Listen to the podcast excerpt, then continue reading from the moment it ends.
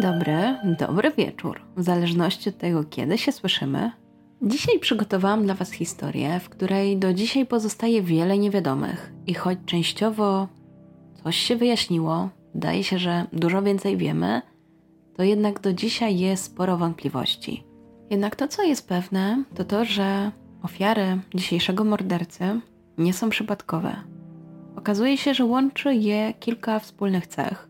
Jedna z nich wyróżnia się tak bardzo, że morderca otrzymuje swój wyjątkowy przydomek, a dokładniej alfabetowego mordercy.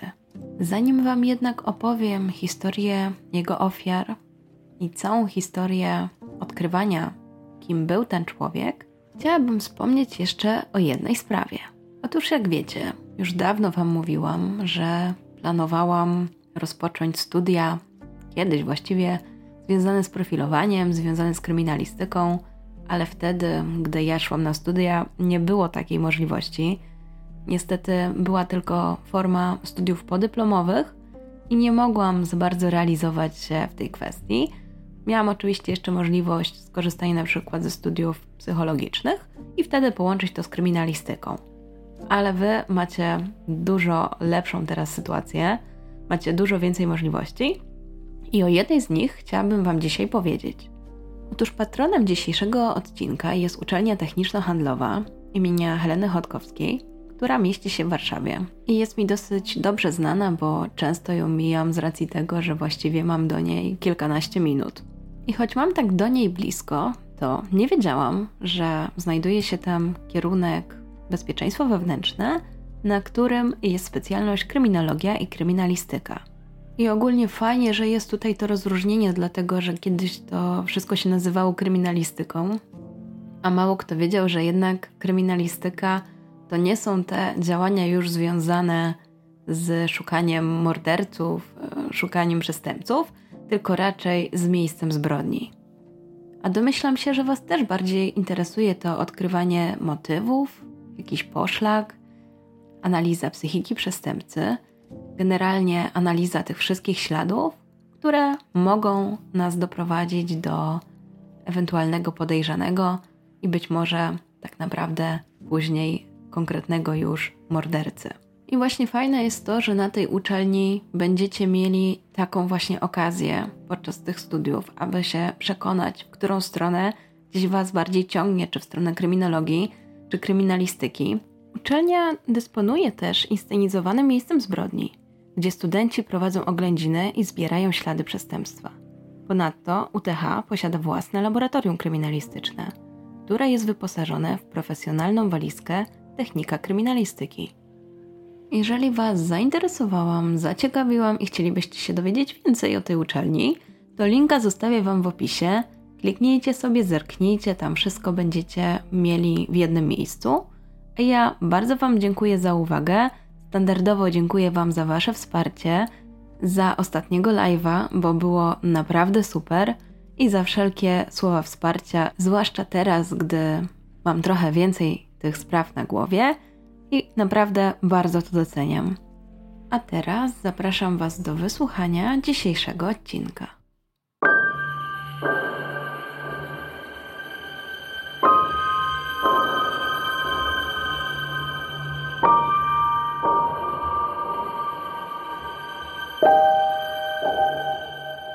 Razem przenosimy się do lat 70. XX wieku stanie Nowy Jork w Rochester szaleje morderca. W latach 1971-1973 dokonuje on zbrodni na trzech dziewczynkach. Brutalnie gwałci i zabija. Miasto to leży w hrabstwie Monroe na południowym brzegu jeziora Ontario i jest właściwie trzecim co do wielkości miastem w stanie Nowy Jork, tuż po Nowym Jorku i Buffalo, więc jest to naprawdę ogromne miasto. A mówię o tym nie bez powodu, dlatego że historia, którą dzisiaj Wam opiszę, będzie pokazywała też przy okazji, jak ważna jest empatia i jak ważne jest reagowanie, gdy inni potrzebują pomocy. A czasami niestety tej pomocy nie dostają, bo mamy do czynienia z tak zwanym efektem tłumu, o czym zaraz się przekonacie. Carmen Colon Carmen Colon była dziesięcioletnią dziewczynką. Miała gęste, długie, ciemne włosy z grzywką, ciemne oczy i przyjemny uśmiech, który mógłby oświetlić pokój. Chociaż urodziła się w Rochester, w stanie Nowy Jork, w 1961 roku, to pierwszą połowę życia spędziła w rodzinnym Puerto Rico, z którego pochodzili jej rodzice. Przeprowadzka nie była zbyt łatwa dla Carmen, dlatego że prawie wszyscy jej krewni byli hiszpańskojęzyczni, a zatem przez całe swoje dotychczasowe życie głównie z tym językiem się spotykała. Dlatego, gdy przyjechali do Rochester, nauka angielskiego była dla niej naprawdę trudna. Co prawda, została umieszczona na specjalnych zajęciach edukacyjnych w szkole, tak aby wyrównać u niej ten poziom angielskiego, to jednak cały czas hiszpański był tym jej głównym językiem, a zatem dosyć ciężko było jej się odnaleźć w tej nowej rzeczywistości. Mimo tego dziewczynka próbowała jakoś sobie poradzić. W szkole zapamiętali ją właśnie jako bardzo optymistyczną i uprzejmą osobę, i dyrektor określił ją słodkim małym aniołkiem. 16 listopada 1971 roku zbliżał się czas obiadu. W tym czasie Carmen miała już młodszą siostrę. Była ona jeszcze niemowlęciem, więc przeważnie była noszona na rękach. Ogólnie rodzina raczej miała ze sobą dobry kontakt, była to dosyć mocna więź. Nawet pomimo tego, że jeszcze w latach 60. ojciec Carmen rozstał się z jej mamą i kobieta po jakimś czasie związała się z jego bratem Miguelem Colonem i zamieszkali razem, a następnie został jej mężem. Obiad ten miał miejsce w domu dziadków Carmen, dlatego że Carmen mieszkała ze swoimi dziadkami, miała tam własną sypialnię, wiara była dla niej bardzo ważna i dosyć często się modliła. Mimo tego wydawało się, że Carmen nie jest do końca szczęśliwa. Dosyć często męczyły ją koszmary i nie umiała sobie z nimi poradzić. Pojawiła się także opinia wujka, nie zostało to dokładnie określone, którego wujka być może chciał zostać anonimowy, że nie do końca rodzina się tak troszczyła o samą Carmen, że właśnie pozostawili ją samą sobie i jak miała te koszmary, to też nikt w nocy nie przyszedł, nie pomógł jej sobie z nimi poradzić, a całą nadzieję Carmen pokładała w modlitwach. Właśnie w tym dniu, gdy był ten obiad, na który została zaproszona także jej mama, która przyszła z jej młodszą siostrą, okazało się, że nie jest ona chora i wymaga podania jej odpowiednich lekarstw. Najbliższa apteka znajdowała się w całkiem nieprzyjemnej okolicy. Słynęła ona z tego, że jest tam sporo osób uzależnionych od narkotyków, są osoby bezdomne.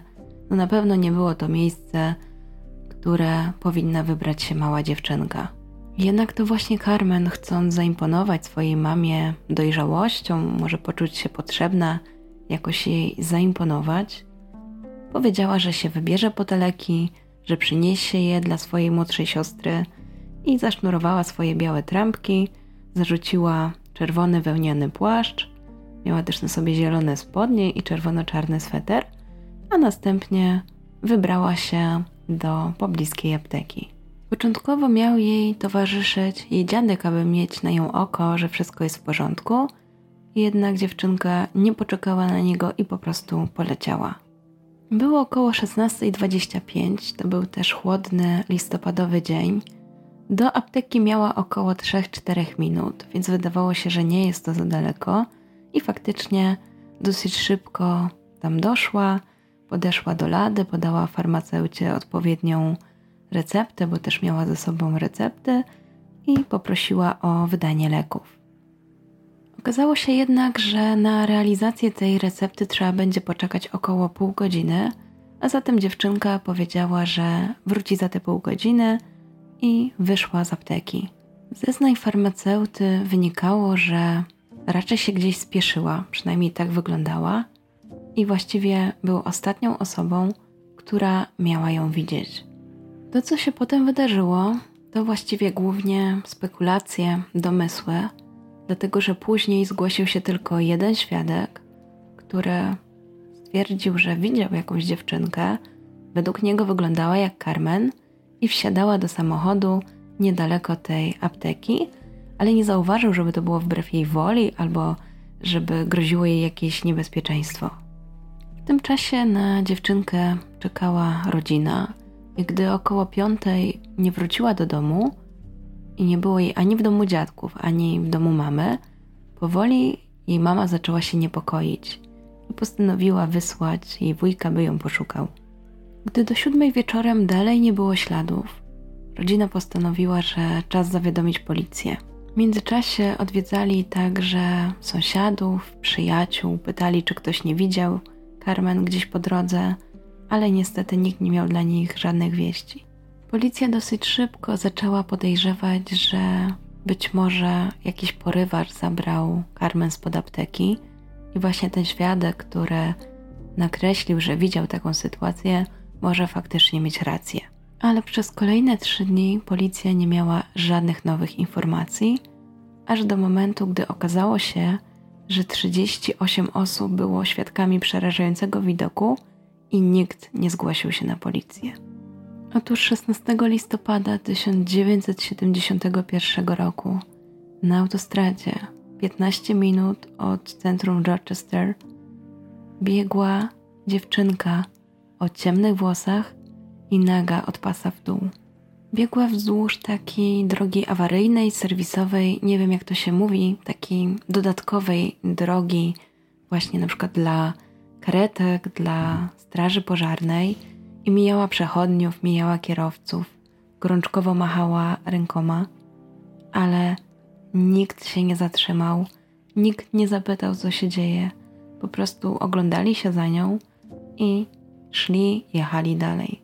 I przez kolejne trzy dni nikt też nie zgłosił tego na policję, bo to właśnie po tym czasie znaleziono ciało dziesięcioletniej Carmen Colon. Sumienie ruszyło niektórych dopiero wtedy, gdy w dwóch głównych miejskich gazetach pojawiły się informacje o tym, że znaleziono dziesięciolatkę, która została brutalnie zgwałcona i zabita, i że bardzo policja prosi o zgłaszanie się ewentualnych świadków.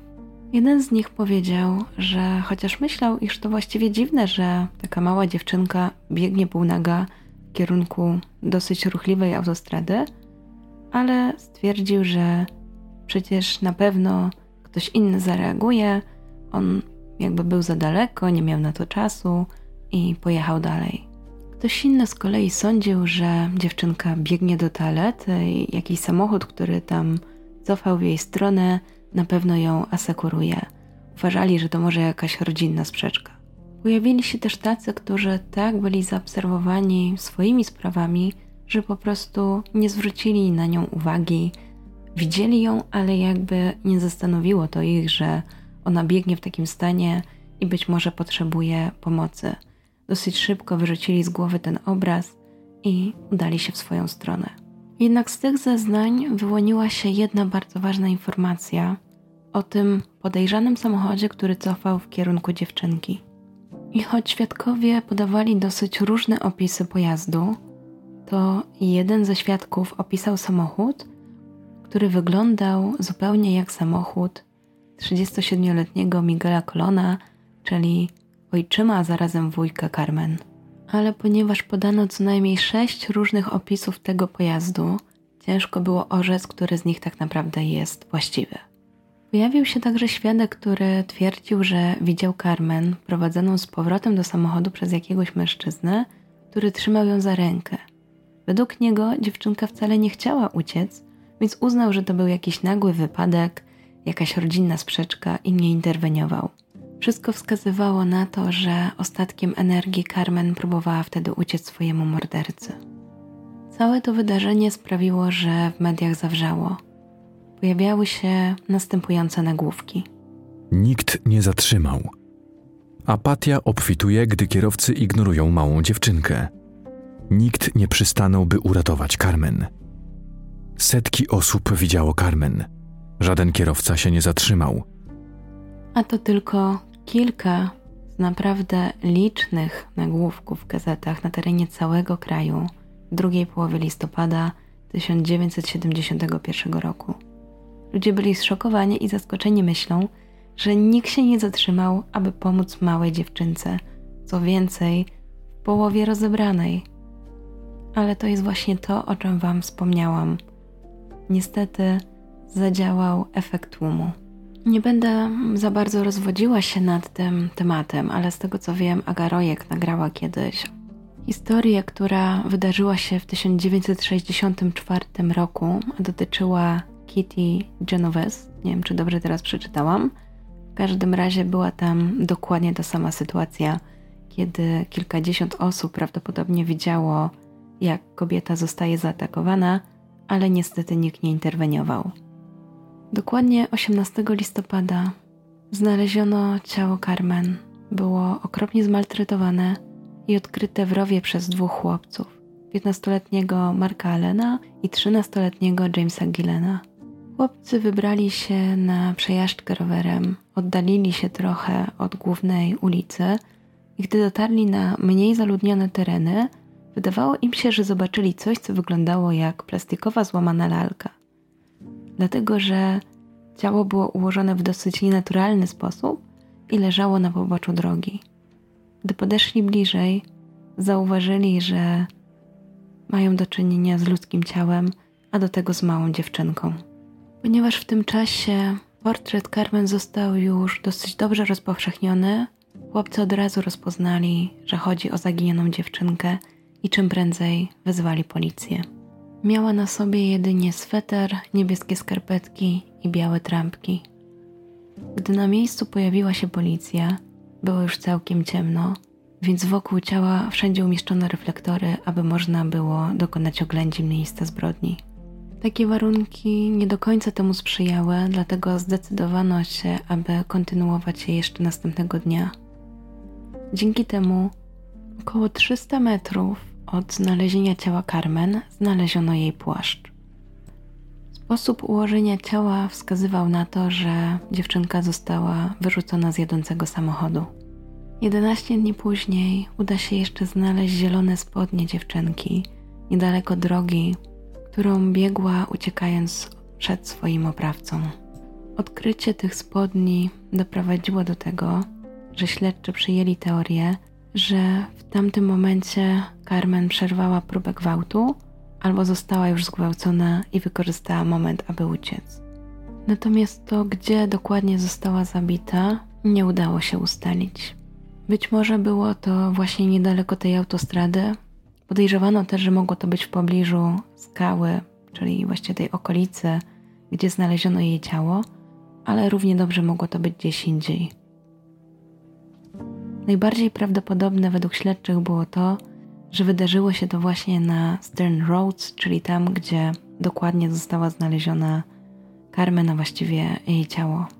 Identyfikacji ciała Carmen podjęli się jej wujowie, dokładniej Angelo i Julio, ale nie był to ten, który był jej ojczymem, czyli nie był to Miguel, a następnie potwierdzili, że jest to ich siostrzenica – Jeden z nich dodał później, że widział wysuszone łzy na jej policzkach. Sekcję zwłok przeprowadził dr John Edland i stwierdził, że Carmen została zgwałcona, pobita i uduszona. Na całym jej ciele były siniaki, były także zadrapania, prawdopodobnie po paznokciach. Carmen doznała także urazu czaszki i okolic szyi. Jej obrażenia wskazywały na to, że broniła się do ostatniej chwili. Jej pogrzeb odbył się 22 listopada 1971 roku i wzięło w nim udział około 200 osób. Nabożeństwo przeprowadzono w języku hiszpańskim. Sprawa ta jednak bardzo poruszyła społeczność i dosyć szybko się zorganizowali i postanowili założyć fundusz nagród w wysokości 2,5 tysiąca dolarów, aby mieć ewentualnie nagrodę dla osoby, która zgłosi się z jakąś ważną informacją. Do tego dołączyły też różne firmy, więc łącznie ta pula nagrody wzrosła do 6 tysięcy dolarów. A w lutym 1972 roku organizacja Citizens for a Decent Community wpadła na pomysł, aby przygotować pięć billboardów z informacją o morderstwie Carmen i dzięki temu utrzymać zainteresowanie sprawą i być może dotrzeć do ludzi, którzy jeszcze o tej sprawie nie słyszeli. Przez 10 dni śledztwa policja zebrała i przesłuchała setki osób, w tym znanych przestępców seksualnych w okolicy. Jednak z wyjątkiem tych kierowców, którzy mijali wtedy uciekającą Carmen, nikt nic więcej nie miał do dodania. Pojawił się jednak w międzyczasie dosyć ciekawy trop, gdyż jednym z budynków, który w tamtym czasie był zajęty przez dom towarowy Sibley, Lindsay Carr, na szóstym piętrze ktoś napisał notatkę na drewnianych drzwiach męskiej toalety. Brzmiała ona tak. Zabiłem dziesięciolatkę. Która będzie następna? Śledczych zaciekawiło to o tyle, że budynek ten znajdował się niecałe 5 minut drogi jazdy od domów dziadków i matki Carmen. Ale informacja ta nigdzie dalej nie doprowadziła detektywów. Początkowo do tej sprawy było przyporządkowanych 12 detektywów, ale wraz z upływem czasu coraz mniej śledczych było przyporządkowanych do tej sprawy. Tak więc 21 grudnia 1971 roku ostatecznie sprawą tą zajmowało się trzech detektywów. Ich zadaniem było poszukiwanie nowych tropów i sprawdzanie już wcześniej pozyskanych informacji. Po tym jak umieszczono te billboardy, o których już Wam wspominałam, przez chwilę liczba tych tropów faktycznie wzrosła. W efekcie trzeba było przesłuchać prawie tysiąc osób. Wszystkie te działania doprowadziły do tego, że w pierwszym roku prowadzenia śledztwa w sprawie śmierci Carmen policja miała dwóch podejrzanych: Miguela Colona, czyli ojczyma Carmen, oraz Jamesa Barbera. Miguel Colon, czyli jednocześnie wuj i ojczym Carmen, stał się głównym podejrzanym pod koniec lutego 1972 roku. Stało się to w związku z tym, jak jeden z mieszkańców Nowego Jorku zobaczył artykuł o sprawie Carmen. Mężczyzna zgłosił się na policję i powiedział, że Miguel pojawił się u niego wkrótce po morderstwie Carmen, mówiąc, że musi szybko opuścić kraj, ponieważ zrobił coś złego w Rochester. Mężczyzna jednak nie wiedział, czy chodzi o jakieś przestępstwo, czy wynika to z czegoś innego, natomiast postanowił powiedzieć to na wszelki wypadek policji.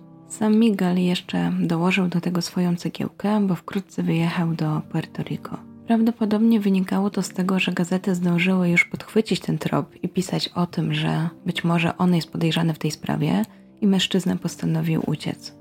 Policja dosyć szybko zorganizowała odpowiednią grupę, która miała się wybrać w podróż za Miguelem i po prostu przywieźć go z powrotem do Rochester. Bardzo też zależało im na to, żeby nie przeciekło to do prasy, ale pomimo tego, że udało się zachować tę dyskrecję, policjanci nie odnaleźli mężczyzny. W związku z tym policja przygotowała plan B. Polegał on na tym, że postanowili zatrzymać matkę Miguela, a następnie przeprowadzić małą zasadzkę. Otóż postanowili ogłosić, że jego matka pozostanie w więzieniu, dopóki jej syn nie wyjdzie z ukrycia i nie zgodzi się na współpracę. I o dziwo załatwiło to sprawę. Miguel się ujawnił i z powrotem został przewieziony do Rochester na przesłuchanie z zapewnieniem, że jego matka zostanie zwolniona. Jeśli chodzi o podejście detektywów do Miguela, to mieli oni mieszane uczucia. Większość z nich uważała, że to właśnie on jest odpowiedzialny za zgwałcenie i zabicie Carmen, ale niestety z braku dowodów, które wiązałyby go z tym przestępstwem, nie można było go zatrzymać. Co prawda były pewne tropy, jak to, że jego samochód wyglądał jakby ktoś go bardzo porządnie wyczyścił, zwłaszcza w bagażniku, ale nie było nic, co wiązałoby go z porwaniem i zabiciem Carmen. Łącznie jego przesłuchanie trwało 6 godzin. Dodatkowo zgodził się na poddanie wykrywaczowi kłamstw i przeszedł ten test pozytywnie, choć wiadomo, że nie jest to wiążący dowód i właściwie i tak nie można byłoby go wykorzystać w sądzie. Ale w związku z całą tą sytuacją i brakiem dowodów trzeba było wypuścić mężczyznę i tak 28 marca został zwolniony. Jednak niektórzy detektywi wypuścili go z przekonaniem, że w rodzinie Kolon jest jakiś taki głęboko ukryty sekret, którego nie za bardzo by chcieli wyjawiać, ale tak naprawdę wiedzą, kto jest odpowiedzialny za śmierć Carmen. I faktycznie budzi to sporo podejrzeń, jeżeli chodzi o jego zachowanie, bo w końcu dosyć szybko po śmierci dziewczynki wyjechał. Były z nim problemy, jeżeli chodzi o kontakt, były podejrzenia co do jego jakiejś przestępczej działalności i samo to, że dopiero jakby taki szantaż emocjonalny związany z jego mamą zdołał go jakoś zwabić do policjantów, aby wytłumaczył im i zeznał, że nie jest winny, więc jeżeli to było takie proste, to czemu tak długo z tym zwlekał? Jednak odpowiedzi tej nie uda się już uzyskać, dlatego że prawie 20 lat później, 17 lutego 1991 roku, mężczyzna postanowił popełnić samobójstwo. Zdecydował się na ten krok po tym, jak zaatakował matkę Carmen, jej brata oraz wujka. I gdy przybyła policja, aby pomóc jakoś rozwiązać tę sytuację, zaczął od nich wymagać, aby go zabili. Gdy oczywiście policjanci odmówili, mężczyzna postanowił sam pociągnąć za spust. Tym samym zabrał ze sobą wiele odpowiedzi na ważne pytania. Śledczy jeszcze dla porządku wypytali rodzinę, czy przypadkiem przed tym samobójstwem nie postanowił im się do czegoś przyznać, czy nie powiedział im, że był zamieszany w śmierć Carmen, ale bliscy powiedzieli, że nic takiego nie powiedział. Drugim podejrzanym w sprawie zabójstwa Carmen Colon był James Barber.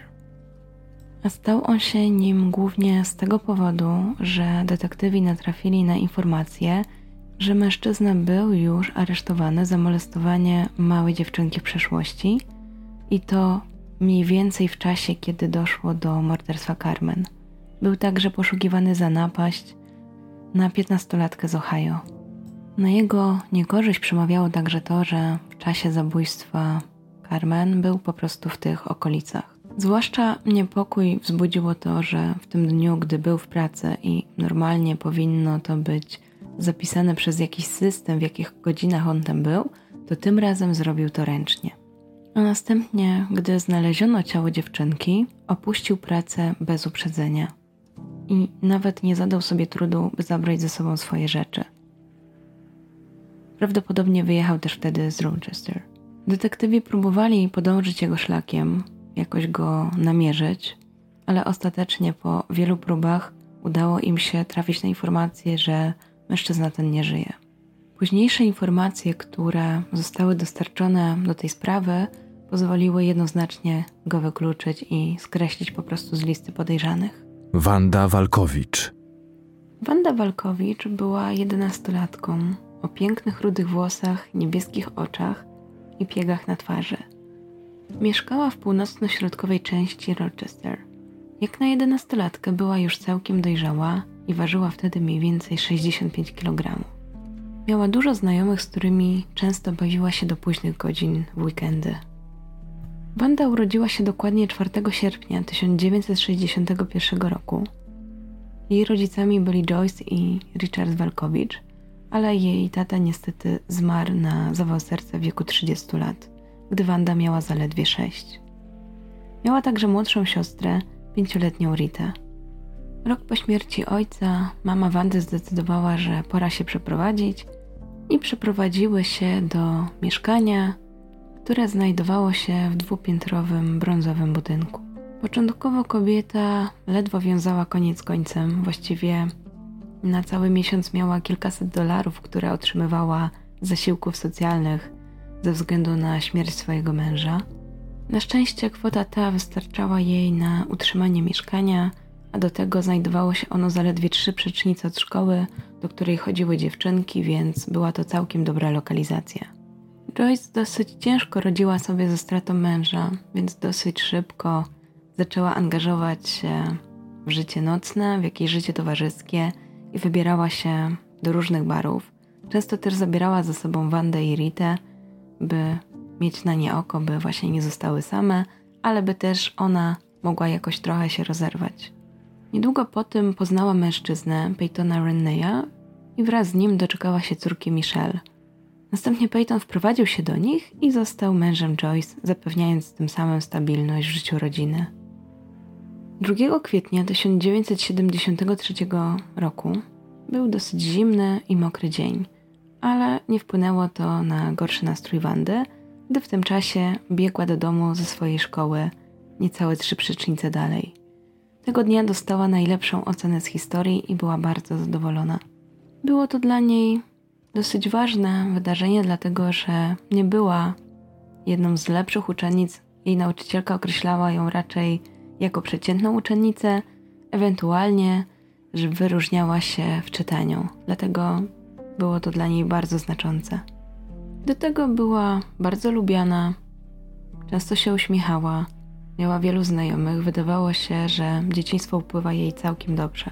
Jedynie co nauczycielka później dodała, że miała takie wrażenie, iż Wanda ma sporo obowiązków w domu, ale nie odniosła wrażenia z kolei, żeby jej to przeszkadzało. Jako najstarsza córka Joyce pewnie czuła na sobie sporą odpowiedzialność i chciała pomagać mamie w codziennych obowiązkach. Wydawało się nawet, że dobrze to na nią wpływało, bo czuła się bardzo ważna. Weszła szybko w rolę takiego mini dorosłego. Właściwie jej mama chętnie z tego korzystała, bardzo często prosiła ją o jakieś załatwienie dla niej spraw, gdzie po prostu wysyłała samą Wandę, ewentualnie Wandę i Ritę i wtedy robiły to, o co je poprosiła. Tak też się stało wspomnianego 2 kwietnia, kiedy to okazało się, że domowe zwierzęta nie mają już pokarmu, a jej najmłodsza siostra nie ma już pieluszek. I Joyce poprosiła Wandę, czy nie mogłaby wybrać się do sklepu i przy okazji załatwić podstawowe zakupy jeszcze i potem przynieść do domu. W tym czasie Wanda akurat sobie coś kolorowała, jednak gdy mama ją o to poprosiła, od razu porzuciła swoją kolorowankę i o 5.10 po południu pobiegła do sklepu. Delikatesy znajdowały się tuż obok szkoły Wandy, czyli te trzy przecznice dalej. Była więc jej to dosyć dobrze znana droga. Też mama się nie za bardzo denerwowała o nią, bo pokonywała ją dziennie przynajmniej kilka razy. Droga w jedną stronę powinna jej zająć około 4 minut. Tak więc ubrana w niebieską, białą, kraciastą sukienkę, białe skarpetki i trampki, które nosiła akurat tego dnia w szkole, poleciała szybko do sklepu, aby dokonać zakupów, o które prosiła ją mama. W późniejszym czasie w jednym z artykułów pojawia się jeszcze informacja, że Wanda miała na sobie tego dnia płaszcz, dokładnie zielono-czerwony płaszcz, ale ostatecznie zostanie to wykluczone, gdyż tego dnia nie miała na sobie płaszcza. Po drodze spotkała jeszcze swoich znajomych, którzy zmierzali akurat do innego sklepu, więc chwilę się z nimi przeszła, porozmawiała, a następnie udała do swojego sklepu. Sprzedawca pamiętał dziewczynkę, że przyszła całą listą, kupiła dwa litry mleka, paczkę jednorazowych pieluch, chleb, babeczki, zupę, tuńczyka i karmę dla psów i kotów. Aby jej ułatwić zaniesienie tych zakupów, zapakował jej to specjalnie jeszcze w jedną torebkę, Dobrze to pamiętał, więc dlatego tak dobrze potrafił wymienić, co tego dnia kupiła. Na odchodne powiedziała mu jeszcze, że bardzo się spieszy. Założył, że po prostu mama kazała jej jak najszybciej wrócić do domu i już jej dłużej nie zagadywał. Między 5.15 a 5.30 łącznie widziały ją cztery osoby. Sprzedawca, dwóch mężczyzn, którzy byli klientami w tym sklepie i trzecia osoba, która stała przed sklepem. Gdy opuściła sklep z dosyć sporą torbą, skierowała się na północ w stronę swojego domu. Akurat kobieta, która kiedyś opiekowała się dziećmi Joyce, siedziała w tawernie po drugiej stronie ulicy i zobaczyła, jak Wanda opuszcza delikatesy. Zastanawiała się, czy przypadkiem nie udać się do dziewczynki, bo zaczęło bardzo padać, i nie miała nawet jakby potrzymać tej parasolki. I właśnie myślała, czy może nie potrzymać jej tej parasolki, ale ostatecznie postanowiła, że nie będzie tego robić. Z daleka widziała ją jeszcze trójka znajomych, których wcześniej Wanda spotkała, ale odległość była tak duża, że postanowili, że nie będą ją gonić. Ostatnie, co zauważyli, to moment, w którym Wanda na chwilę przystanęła, oparła się o szkolny płot i usiłowała poprawić torbę, którą niosła, widocznie było jej jakoś niewygodnie. Po chwili zniknęła im z oczu, a jedyne co jeszcze rzuciło im się w oczy to to, że z naprzeciwka zbliżał się duży brązowy samochód. Gdy według obliczeń mamy Wanda powinna być już w domu, a dalej jej nie było, powoli zaczynała się o nią martwić. Zastanawiała się, co mogło sprawić, że tak długo nie wraca, i postanowiła, że przejdzie się do tego sklepu i zerknie, czy przypadkiem Wanda gdzieś się nie zagadała. Po drodze były też dwa domy przyjaciółek Wandy, więc przy okazji postanowiła zapukać i podpytać, czy może Wanda nie zajrzała, może tam się zagadała, ale niestety nigdzie jej nie było. Około 18.45 dotarła do sklepu i uzyskała informację, że Wanda zrobiła już dawno zakupy, dostała też kopię paragonu i zaczęła myśleć, co się w takim razie stało, a jej intuicja podpowiadała jej, czy przypadkiem nie wydarzyło się coś złego.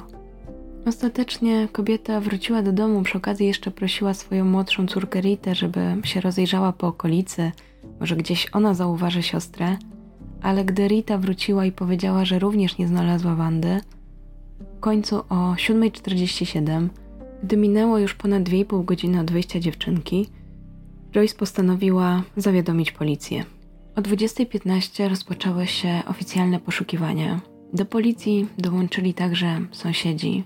Przeszukiwali podwórka, alejki, tory kolejowe i cały obszar między szkołą a domem bandy.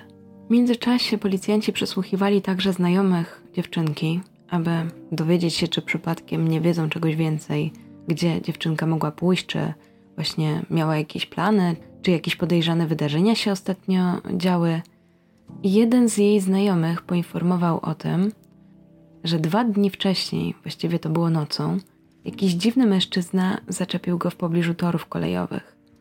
I kiedy nie chciał z nim za bardzo rozmawiać, to mężczyzna zaczął go gonić, a następnie wskoczył w krzaki.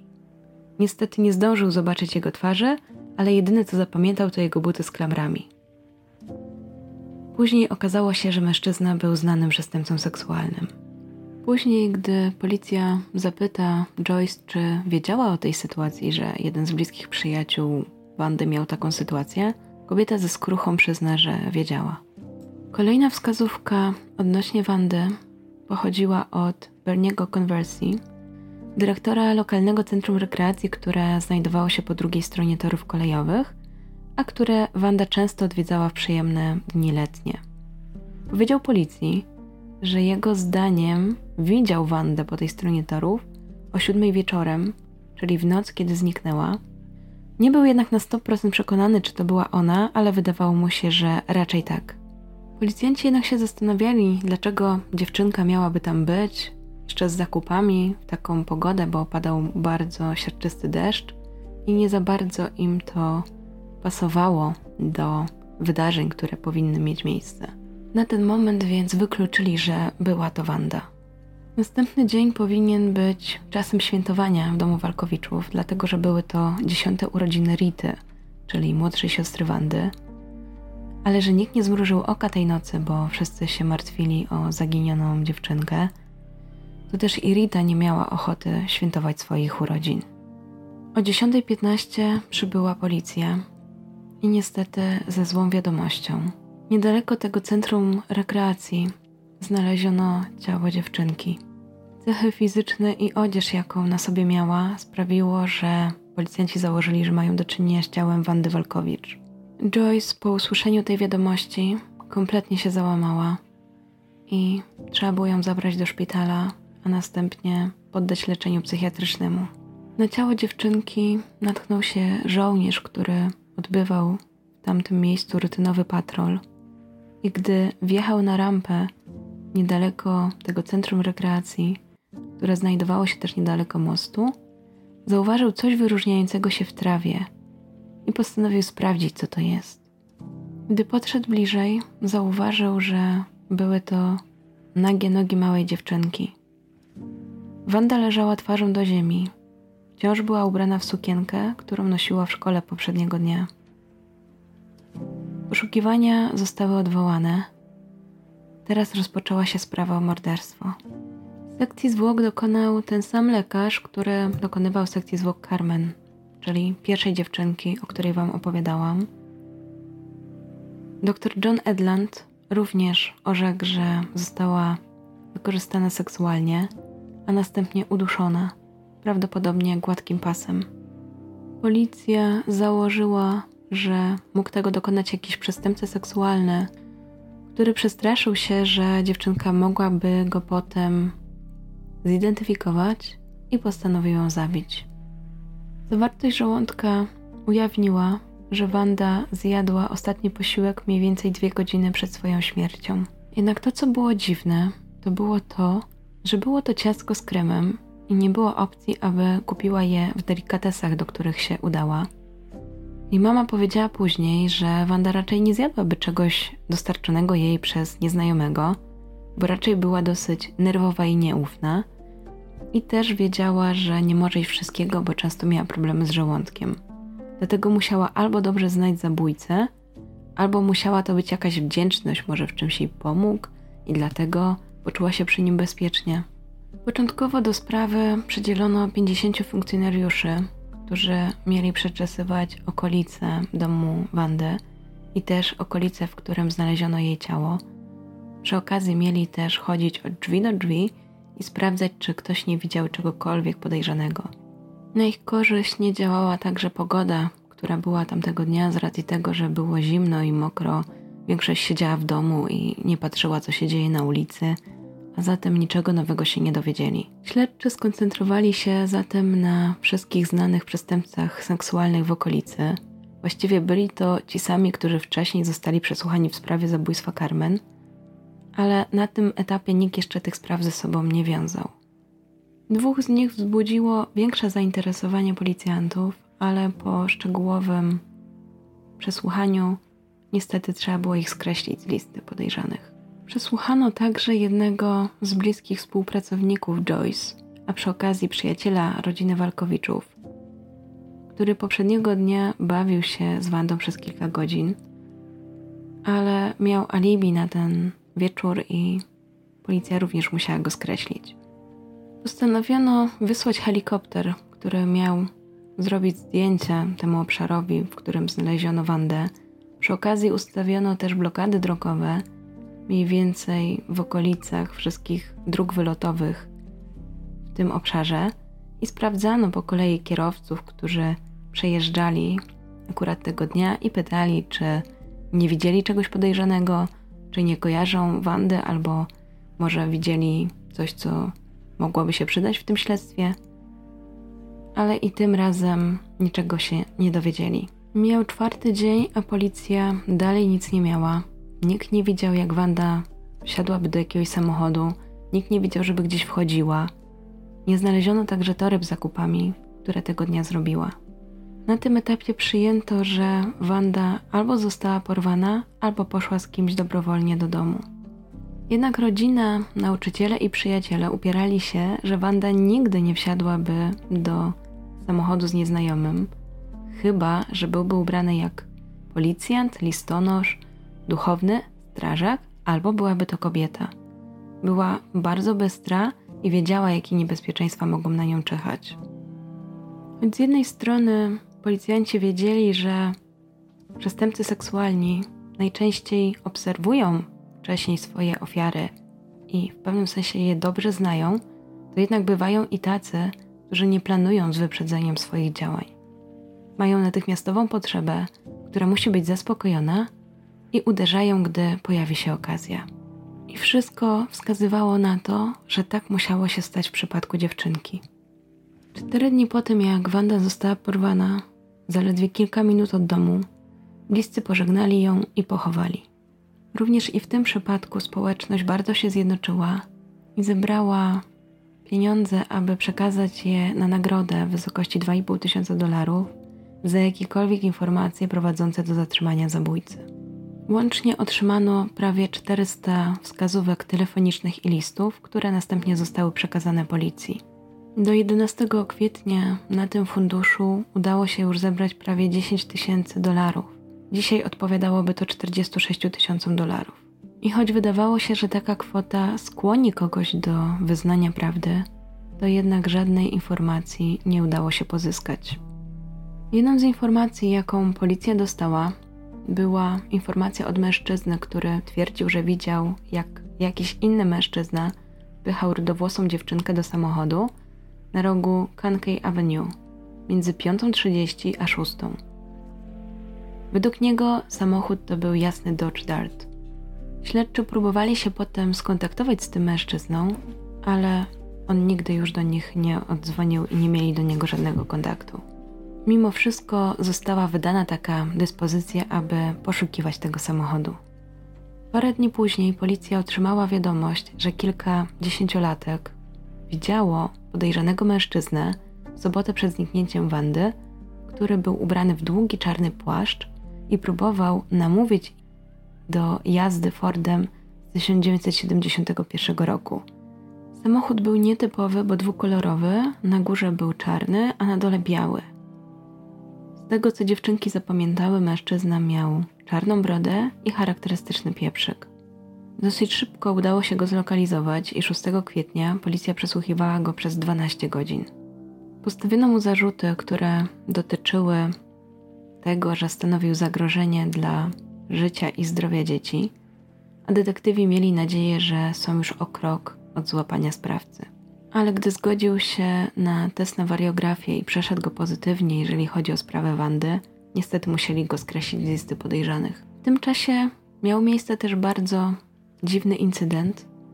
Otóż właściciel sklepu, który wtedy obsługiwał Wandę, został postrzelony w twarz i ostatecznie zabity podczas domniemanej próby powieszenia.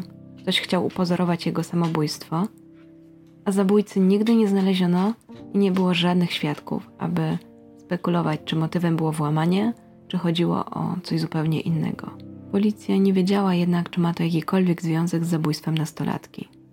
Dwa tygodnie po morderstwie Wandy, pracownik stacji paliw powiedział policji, że widział zielonego Forda Pinto, który wjeżdżał na parking z małą dziewczynką. Według niego nie była ona zadowolona z tego, płakała i wyglądała jakby chciała się wydostać z tego samochodu. Kierowca był rasy białej i miał około 40 lat. Na prawym przedramieniu miał tatuaż. W tym samym czasie zadzwoniły kolejne osoby, które zgłosiły dokładnie tę samą sytuację. Ale i tym razem śledczym nie udało się znaleźć żadnego powiązania z Wandą Walkowicz. Joyce, matka dziewczynki, cały czas sobie nie radziła ze śmiercią swojej córki. Przestała ufać znajomym, przestała ufać sąsiadom. Miała wrażenie, że straciła wolę życia. I trzy miesiące po stracie swojej ukochanej córki dalej nie mogła się pozbierać. Pomimo tak wielu wskazówek w tej sprawie, żadna z nich nie doprowadziła do aresztowania nikogo za to morderstwo. Policja wróciła do punktu wyjścia. Michelle Maenca 10 miesięcy po tym, jak znaleziono ciało Wandy Walkowicz, zaginęła kolejna dziewczynka. Ślad po 11-letniej Michelle Mańca zaginął, gdy wracała ze szkoły do domu. Czy to kolejny zbieg okoliczności, czy może właśnie policja miała do czynienia z seryjnym mordercą? Michelle urodziła się kilka dni po święcie dziękczynienia w 1962 roku. Jej rodzicami byli Christopher i Caroline Manca. Oprócz niej mieli jeszcze dwóch starszych synów, Stevena i Angelo. Gdy kilka lat później małżeństwo Manca się rozpadło, dwaj starsi bracia zamieszkali z ojcem, a Michelle pozostała z matką. Wraz z młodszymi siostrami Marie, która miała 8 lat, i malutką Christine. Dziewczynka była opisywana jako cicha, ale raczej szczęśliwa i przyjazna. Ale pomimo tego, że była najstarszą z dziewczynek, wydawała się mniej dojrzała niż jej rówieśniczki. Niestety też w jej przypadku dochodziło do dokuczania przez inne dzieci w szkole, gdyż dziewczynka miała nadwagę i rówieśnicy nie akceptowali jej. W związku z tym często wolała spędzać czas z młodszymi dziećmi, które nic do niej nie miały. W szkole radziła sobie całkiem dobrze, choć też była określana jako przeciętna uczennica. Karolin, czyli matka dziewczynek, była bardzo opiekuńcza. Według sąsiadów zawsze miała przy sobie swoje trzy córki, dokądkolwiek się udała, czy szła do pralni, czy do sklepu, czy odwiedzić znajomych. Każdego popołudnia spacerowała z najmłodszą Krystyn w wózku i towarzyszyła dwóm starszym córkom w ich drodze do szkoły i ze szkoły. Jednak 26 listopada stało się coś dziwnego. Gdy Karolin przybyła do szkoły po swoje córki, na powitanie wyszła jej tylko jedna z nich, młodsza Marie. Okazało się, że Michelle musi zostać jeszcze na jakieś zajęcia i tego dnia skończy szkołę później. W związku z tym jej mama podjęła decyzję, której później bardzo żałowała. wróciła do domu tylko z dwiema córkami. Była przekonana, że skoro Michelle kończy następnego dnia 11 lat, to już jest na tyle dorosła, na tyle duża, że da radę sama wrócić do domu. Jak później się okazało, Michelle została w szkole dłużej przez karę, tak zwanym areszcie, i z tego co się dowiedziała później jej mama od jej znajomych, było to bardzo niesprawiedliwe, gdyż tego dnia to ona została ofiarą, a nie była oprawcą. Szkołę opuściła prawdopodobnie między trzecią pięć a trzecią piętnaście i ruszyła w stronę swojego domu. Normalnie przeszłaby obok stacji benzynowej swojego wuja, ale tego dnia miała inne zadanie. Okazało się, że jej mama zostawiła torebkę w niedalekim sklepie i po prostu chciała przynieść mamie tą torebkę, żeby już sama nie musiała po nią potem iść. Po wyjściu ze szkoły skręciła więc za rogiem, następnie przeszła przez krótką drogę wjazdową prowadzącą na plac i przecięła narożny parking przylegający do tego placu. A przynajmniej tak to powinno wyglądać, ale później policja będzie zakładała, że Michelle mogła nigdy nie dotrzeć do tego placu. Jej wujek zeznał później policji, że tego dnia jej nie widział i nie rozmawiał z nią ale w artykule, który został opublikowany 1 marca 2009 roku, jej brat Steven udzieli zupełnie innej informacji. Okaże się, że wujek Filip, który był związany z tą stacją benzynową, jednak widział i rozmawiał z Michelle na placu tego popołudnia, a nawet zaproponował jej, że podwiezie ją do domu, ale Michelle odmówiła. Jeśli byłaby to prawda, to Filip mógłby być ostatnią osobą, która kiedykolwiek rozmawiała z Michelle i w efekcie utrudnić przeprowadzenie tego śledztwa. Kiedy Michelle nie wróciła do domu po godzinie piątej, jej zrozpaczona mama poszła prosto do swojego sąsiada. Według niego kobieta była tak przerażona i tak zmartwiona, że nawet nie mogła mówić. O 5.40 kobieta zadzwoniła na policję i zgłosiła zaginięcie córki. Cała rodzina i przyjaciele jednoznacznie orzekli, że Michelle nigdy przed tym nie uciekła i nie ma szans, żeby zrobiła to z własnej woli. Karolin zapewniała, że choć wiedziała o tym, że jej sytuacja była trudna w szkole, to jednak nie na tyle, aby dziewczynka zdecydowała się na taki krok. Dyrektor szkoły zapewnił także, że wszystkie dzieci obejrzały film uświadamiający o tym, dlaczego nie wolno wsiadać z nieznajomymi do samochodu, i wśród tych dzieci była również Michelle – dlatego zapewniał, że na pewno by nie wsiadła do samochodu z nieznajomym. W mediach dosyć szybko rozpowszechnił się opis Michelle. Miała piwne oczy i włosy do ramion, ciemnobrązowe, z grzywką. A ostatnio widziano ją w pobliżu Webster Avenue i Goodman Plaza, długim fioletowym płaszczu ze srebrnymi wykończeniami. Miała też czarne buty. A do tego fioletowe spodnie z charakterystycznym zygzakiem. Ten opis był nadawany co godzinę przez wszystkie radiowozy, a poszukiwania trwały całą noc. Szukano jej nie tylko w okolicy, ale także chodzono po wszystkich domach. Całą noc, cały ranek, ale niestety nic to nie dało.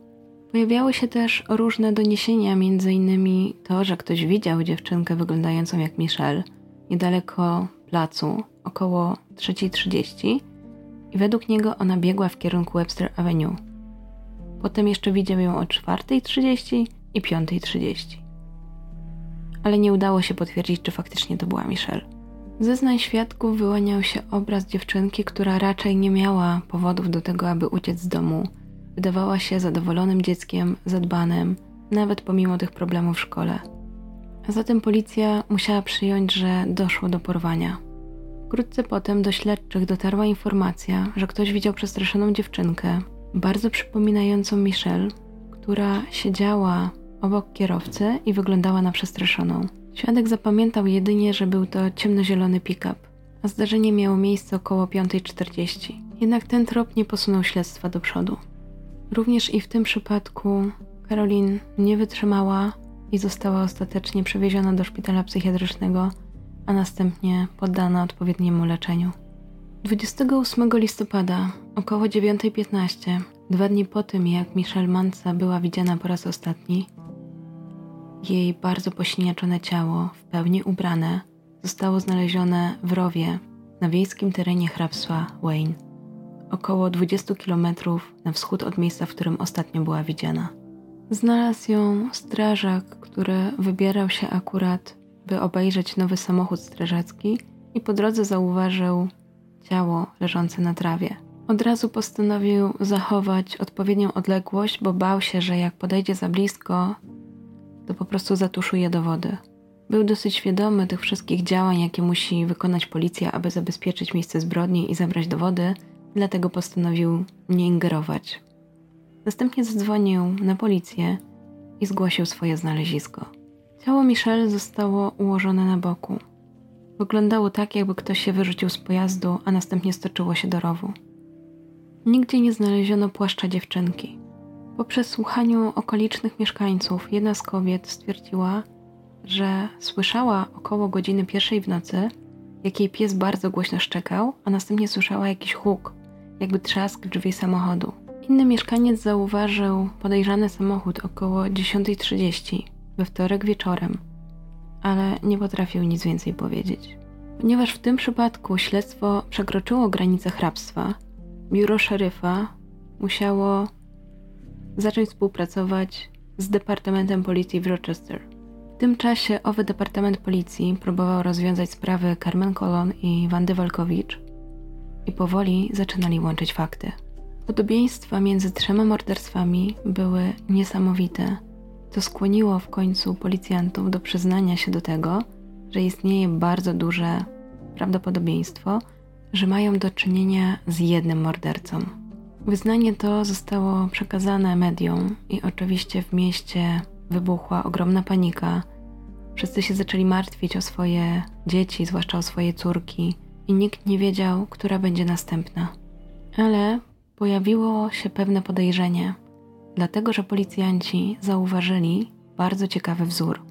Otóż wszystkie dziewczynki miały imię i nazwisko na te same litery, czyli Carmen Colon, CC, Wanda Walkowicz, WW i Michelle Manca, MM. W efekcie sprawca otrzymał przydomek alfabetowego mordercy. Jednak tym, co zainteresowało policję bardziej niż podwójne inicjały, były uderzające podobieństwa w sposobie działania lub metodzie działania zabójcy. Wszystkie dziewczynki były w podobnym wieku, zostały uprowadzone w bardzo podobny sposób, a następnie zgwałcone i uduszone, bo również w przypadku Michelle patolog zaobserwował te same wnioski. Do tego morderca nie dbał o to, czy ktoś znajdzie ciało i jak szybko je znajdzie. Policja miała wrażenie, że bawi się z nimi w kotka i myszkę. I oczywiście dochodziła bardzo ważna informacja, że wszystkie dziewczynki zostały porwane z ulicy Rochester. Ludzie zaczęli się jeszcze bardziej niepokoić, bo nikt nie mógł zrozumieć, jak trzymałe dziewczynki mogą zniknąć w biały dzień i nikt nic nie widzi. Identyfikacji ciała Michelle dokonał jej tata Christopher. Jej mama w tym czasie przebywała jeszcze w szpitalu i gdy zostało jej potwierdzone, że to jej córka, ponownie musiała zostać poddana leczeniu. Tym razem sekcji zwłok dokonał inny lekarz, William Walsh, który asystował wcześniej dr Edland i dosyć szybko połączył fakty odnośnie sekcji Carmen i Wandy z sekcją Michelle. Za oficjalną przyczynę śmierci zostało uznane uduszenie. Tak jak Wam wspomniałam, dziewczynka także została brutalnie zgwałcona przed śmiercią. Oprócz tego zanotowano siniaki na jej twarzy, szyi i w okolicach oczu. Ślady na szyi ukazywały, że morderca do jej uduszenia użył zarówno rąk, jak i jakiegoś przedmiotu. W jej żołądku znaleziono resztki cheeseburgera, którego Michelle zjadła w ciągu półtorej godziny przed swoją śmiercią. Znów był to znaczący dowód, dlatego że Michelle nie miała tego dnia przy sobie żadnych pieniędzy i nie miała też po drodze żadnego miejsca, w którym mogłaby kupić sobie cheeseburgera. Była więc to podobna sytuacja jak w przypadku Wandy Walkowicz. Jeżeli chodzi o Carmen Colon, w jej żołądku znaleziono ślady mieszanki warzywno-kukurydzianej, ale prawdopodobnie było to coś, co zjadła jeszcze w domu tamtego dnia. W przypadku Michelle udało się jednak zrobić coś, czego nie udało się w przypadku poprzednich zabójstw. Otóż patolog był w stanie zdjąć odciski palców i dłoni z szyi Michelle, stosując nową technikę z użyciem jodu i srebra. Odciski palców znaleziono także na jej butach. Policja miała nadzieję, że pomoże im to złapać mordercę. Dla rodziny śmierć Michelle była podwójnym ciosem, bo tak jak Wam wspominałam, właśnie miała obchodzić 11 urodziny, miała świętować, otwierać prezenty, a ktoś zabrał po prostu im najbliższą osobę. Na jej pogrzeb przyszło 400 osób. Podczas ceremonii policja dostała anonimowy telefon, że ktoś zauważył samochód, który wydał mu się podejrzany, ale gdy policja dojechała na miejsce, tego samochodu już nie było. Również i w przypadku Michelle uruchomiono specjalny fundusz, na który można było wpłacać swoje datki i początkowo znalazło się na nim 2,5 tysiąca dolarów. Ostatecznie udało się zebrać 5 tysięcy dolarów. I sytuacja się powtórzyła, ponownie było bardzo dużo telefonów, ale żaden z nich nie doprowadził do złapania mordercy. Pojawiła się m.in. informacja, że ktoś widział jasnego Chevroleta z 1966 roku zaparkowanego po niewłaściwej stronie.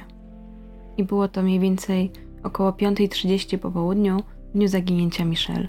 Choć policja próbowała namierzyć ten samochód, niestety nie udało się tego zrobić. Istotna okazała się także informacja od jednej ze znajomych Michelle, która powiedziała, że jak wracała do domu od innej koleżanki, zobaczyła Michelle, która szła w kierunku Goodman Plaza. Według niej Michelle siedziała w samochodzie. Był to jakiś beżowy samochód i bardzo szybko jechał w kierunku Webster Avenue. Jechał na tyle szybko, że prawie zderzył się z innym pojazdem. Oczywiście dziewczynka powiedziała swojej mamie, co widziała, ale że było to jeszcze przed zgłoszeniem zaginięcia Michelle, to nikt nie uznał tego za jakąś ważną informację.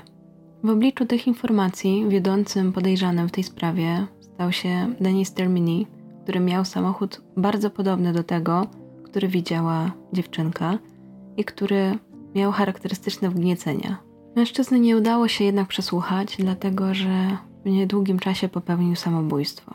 Śledczym udało się także dotrzeć do tego samochodu, z którym prawie się zderzył ten beżowy samochód i kierowcą była kobieta, która bardzo dobrze pamiętała tę sytuację. Akurat skręcała w lewo z Webster Avenue Wackerman, kiedy beżowy samochód wyskoczył z za rogu i bez zatrzymania się skręcił w lewo, powodując prawie kolizję. Na podstawie jej zeznań udało się ustalić, że na tym skrzyżowaniu były jeszcze dwa inne pojazdy i funkcjonariusze szukali kierowców tych pojazdów, aby sprawdzić, czy ktokolwiek przypomina sobie opis kierowcy tamtego pojazdu to właśnie od nich policja otrzymała pierwszy opis podejrzanego. W międzyczasie 27 organizacji społecznych zasponsorowało publiczne spotkanie dla rodziców wszystkich małych dzieci, aby przekazać informacje, jak mogą zapewnić bezpieczeństwo swoich dzieci, bo panika urosła już do naprawdę wysokiego poziomu. Mieszkańcy postanowili też wystosować taki apel w imieniu całej społeczności który nosił tytuł Otwarty list do zabójcy, oddaj się. Tydzień po znalezieniu zwłok Michelle, policja dysponowała już kicem podejrzanego. Rozprowadzali go w mediach i innych komisariatach. Między innymi pojawił się artykuł zatytułowany Ben Wanted, widziałeś go?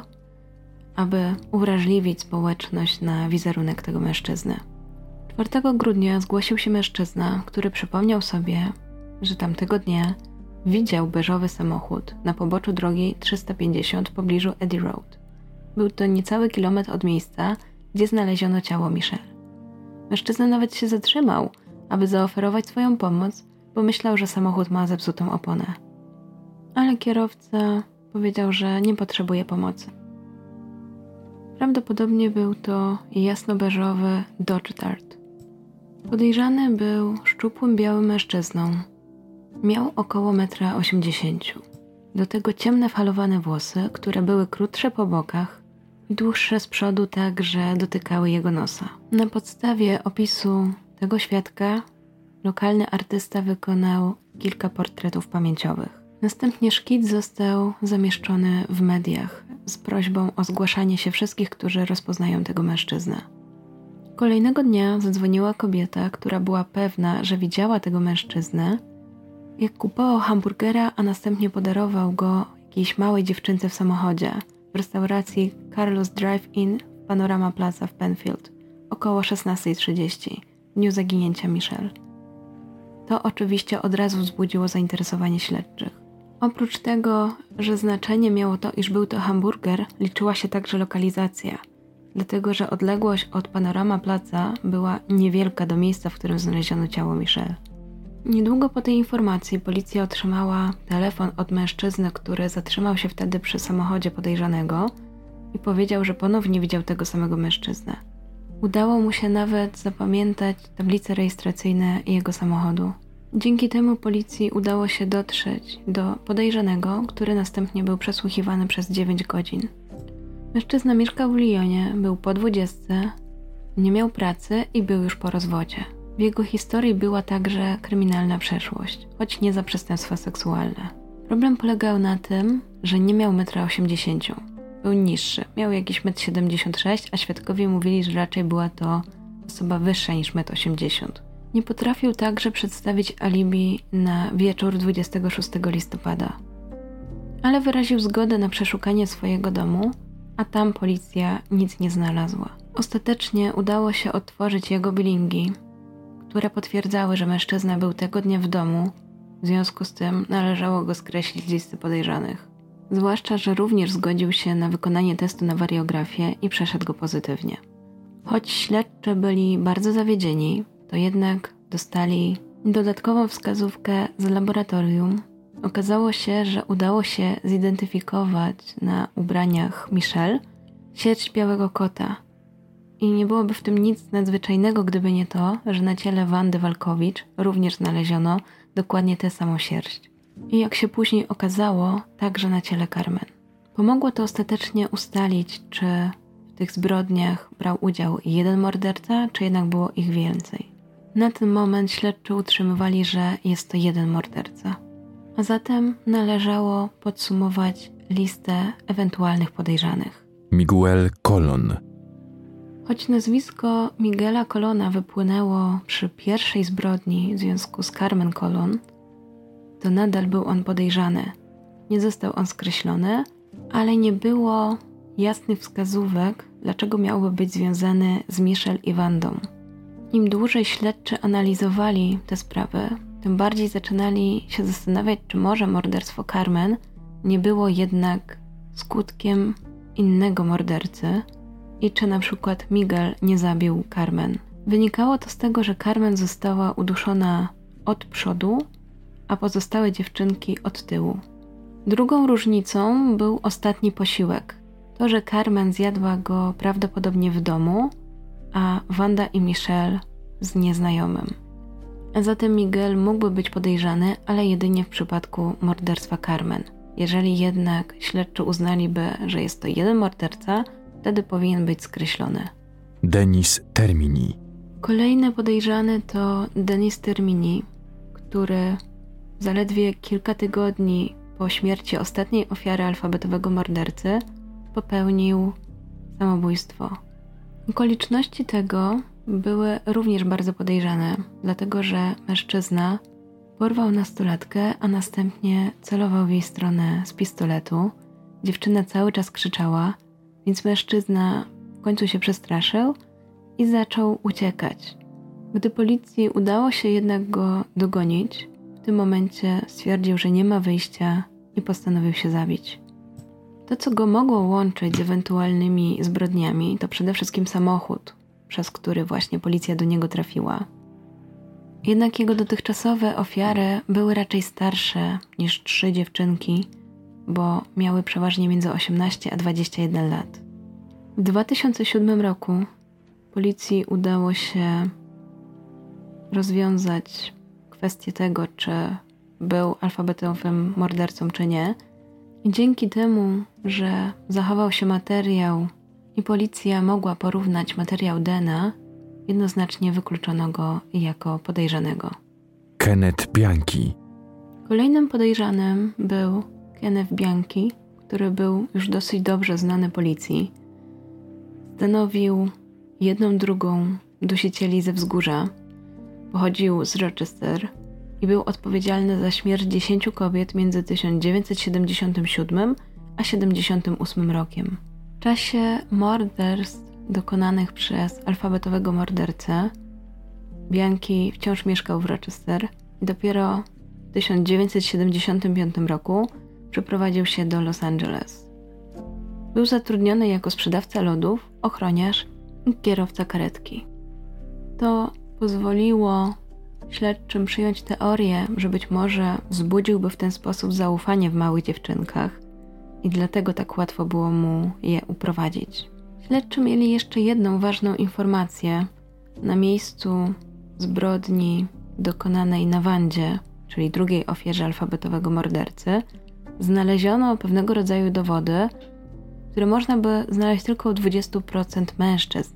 I akurat Bianki charakteryzował się tym. W związku z tym postanowiono porównać odcisk nadgarstka znaleziony na ciele Michelle i porównać go z odciskiem nadgarstka mężczyzny. I tym razem dopasowania nie było. Mimo wszystko do dziś policja uważa Keneta jako jednego z głównych podejrzanych o morderstwa w latach 1971-1973. Joseph Nazo Ostatnim podejrzanym był Joseph Naso. Gdyby nie jego skłonności do drobnych kradzieży, pewnie nikt nigdy by o nim nie usłyszał. Ale w 1995 roku, podczas spaceru po domu towarowym w Oakland, Joseph Nazo próbował ukraść 30 sztuk damskiej bielizny. Miał wtedy prawie 60 lat i był niezależnym fotografem. Było to właściwie zastanawiające, dlaczego taki człowiek postanawia dokonać kradzieży damskiej bielizny, ale gdy policjanci zajrzeli do jego historii, okazało się, że już miał na swoim koncie podobne wykroczenia. W 2003 roku został aresztowany za kradzież Sacramento. Odsiedział wtedy wyrok, a następnie przeniósł się do Nevady. W 2009 roku po raz kolejny złapano go za kradzież, tym razem w sklepie spożywczym Salt Lake Tahoe. Tym razem przydzielono mu kuratora, i gdyby nie jego niespodziewana wizyta w jego domu, pewnie nigdy nie poznano by prawdy o Józefie. Okazało się, że mężczyzna był seryjnym mordercą, który zabił co najmniej cztery kobiety. Józef dosyć często się przeprowadzał, ale urodził się w Rochester w stanie Nowy Jork w 1934 roku. Następnie w latach 50. służył w Air Force i wtedy poznał swoją pierwszą żonę Judith. Doczekał się z nią syna Charlesa. Ale niestety u chłopca zdiagnozowano schizofrenię i następnie mężczyzna musiał się nim opiekować przez wiele lat. Nie do końca układało mu się w małżeństwie z Judith i w końcu po 18 latach razem zdecydowali się na rozwód. Mimo tego dalej utrzymywali ze sobą kontakt, a mężczyzna często ją odwiedzał w Bay Area. W połowie lat 70. postanowił zapisać się na studia i uczęszczał na Uniwersytet Oakland. Z kolei w latach 80. przeprowadził się do San Francisco, a następnie co kilka lat zmieniał miejsce zamieszkania na Sacramento, Yuba City czy Reno. Jak się później okazało, zawsze mieszkał w bliskiej okolicy swoich ofiar.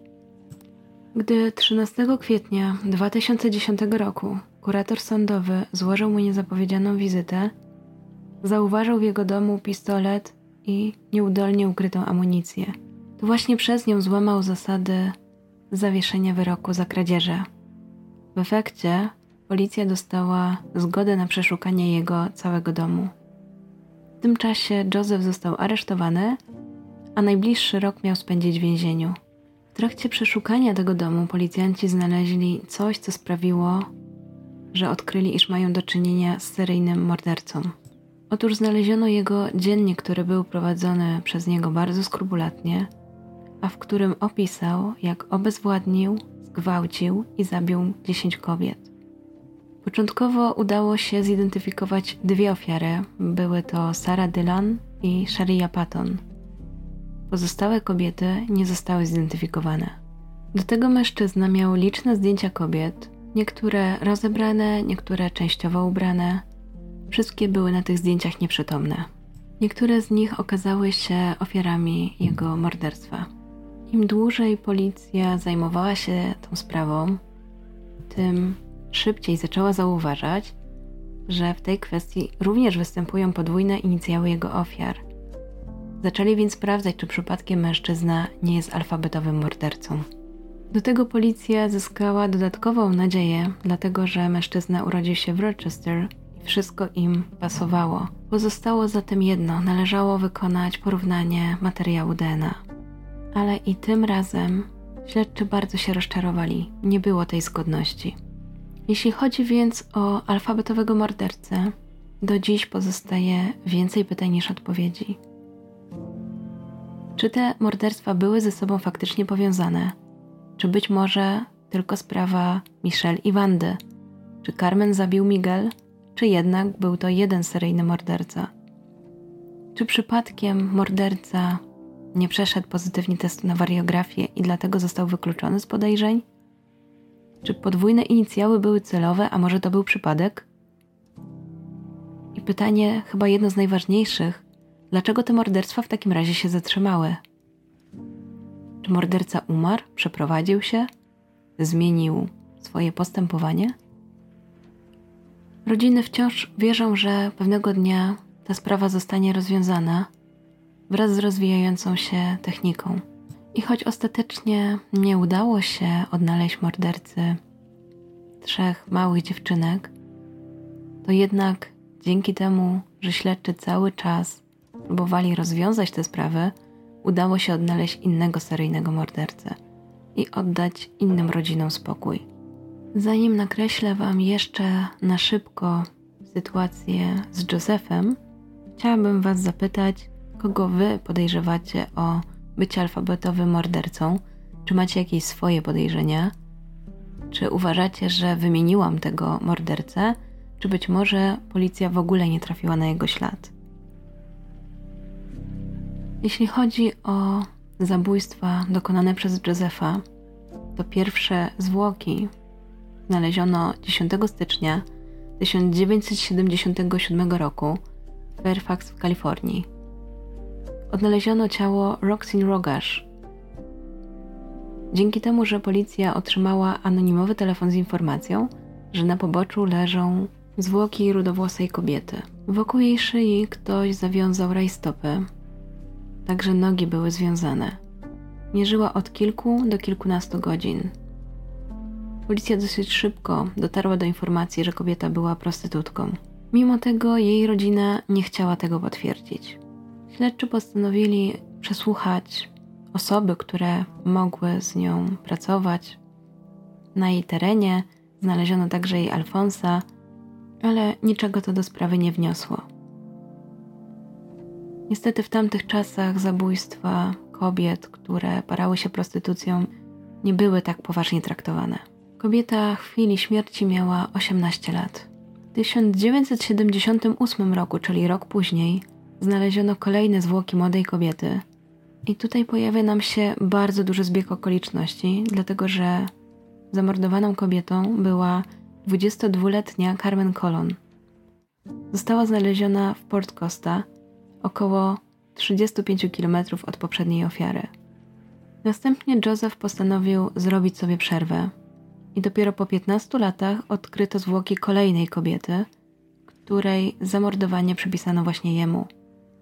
Była to 38-letnia kelnerka Pamela Parsons.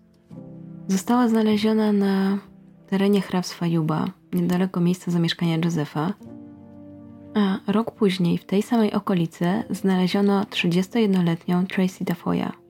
Kobieta została odurzona narkotykami, zgwałcona, a jej ciało porzucone na cmentarzu. W tym czasie Naso oczywiście mieszkał w Yuba City. Wszystkie kobiety zostały uduszone, a ich ciała znaleziono w odludnych miejscach. Miały problem z uzależnieniami, najczęściej były to narkotyki albo alkohol. Niektóre z nich były prostytutkami. Dosyć szybko śledczy zauważyli, że wszystkie ofiary łączą inicjały, czyli ta sama litera imienia i nazwiska. I niestety tylko te cztery sprawy udało się z całą pewnością przypisać Josephowi, pomimo tego, że chwalił się, iż zabił 10 kobiet w tym swoim dzienniku, to pozostałych sześciu nie udało się zidentyfikować.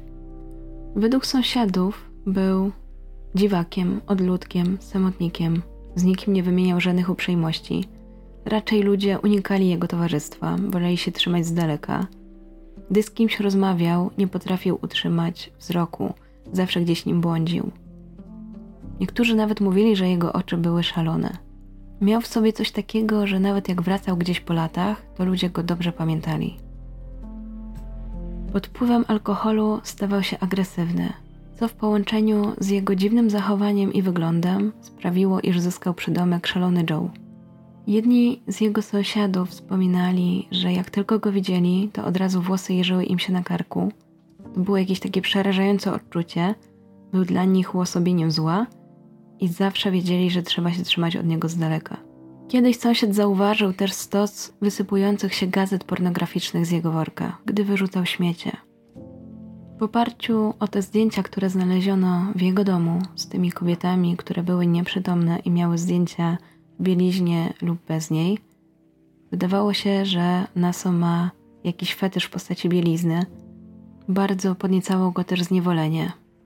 W 1998 roku zaczął spotykać się z Mildred Gardner, która była od niego 11 lat starsza, ale też znacznie bogatsza. Mimo tego, że wydawało się, iż dobrze im się układa, kobieta zeznała później przed sądem, że był dla niej podstępnym typem. Według niej oszukał ją podczas zakupu samochodu, na który dała mu 10 tysięcy dolarów. Oboje mieli być właścicielami, ale ostatecznie Joe podał tylko swoje dane. Potem w kwestiach finansowych oszukał ją jeszcze kilka razy. W efekcie kobieta postanowiła z nim zerwać wszelkiego rodzaju kontakty. Następnie przez wiele lat mężczyzna opiekował się chorym synem. W 1996 roku zrezygnował z tego, ponieważ jego syn był coraz bardziej agresywny. Później mężczyzna zeznał, że w tym czasie jego życie było skoncentrowane tylko na synu, nie prowadził żadnego życia towarzyskiego, nie miał żadnych przyjemności, starał się opiekować swoim synem Charlesem aż w końcu w 2005 roku odebrano mu prawo do opieki nad synem. Udowodniono, że chłopak pod jego opieką przyjmował narkotyki i alkohol. Mimo to chłopak został u niego aż do jego zatrzymania.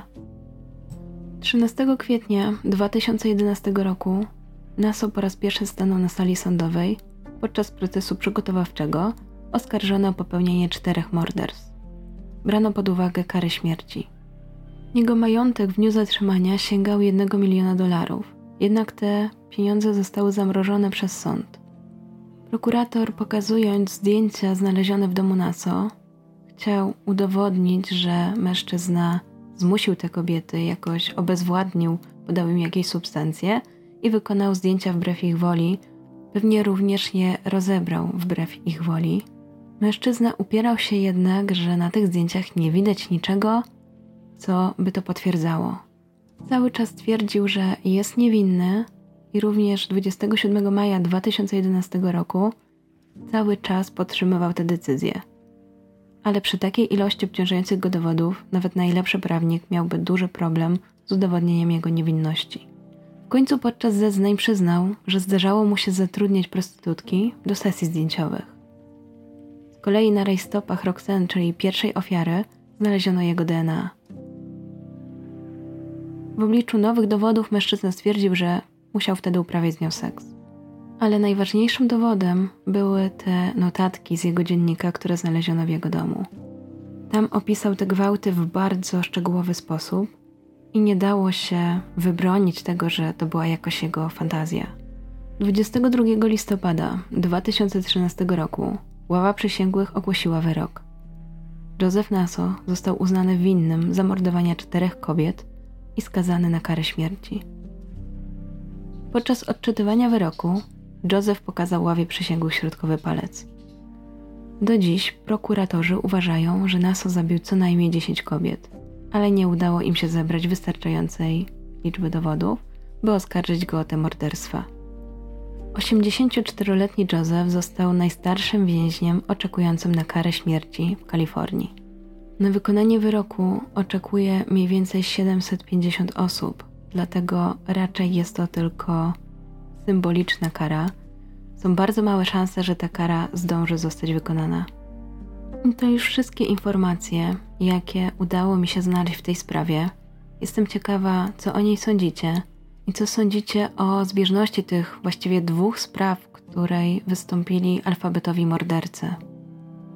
Jeśli, tak jak ja, lubicie analizować sprawy kryminalne i chcielibyście dowiedzieć się, jak to wszystko wygląda od środka, a może zająć się tym zawodowo, to przypominam, że w opisie znajdziecie linka z opisem kierunku bezpieczeństwo wewnętrzne ze specjalnością kryminologia i kryminalistyka na uczelni techniczno-handlowej w Warszawie, która była patronem dzisiejszego odcinka.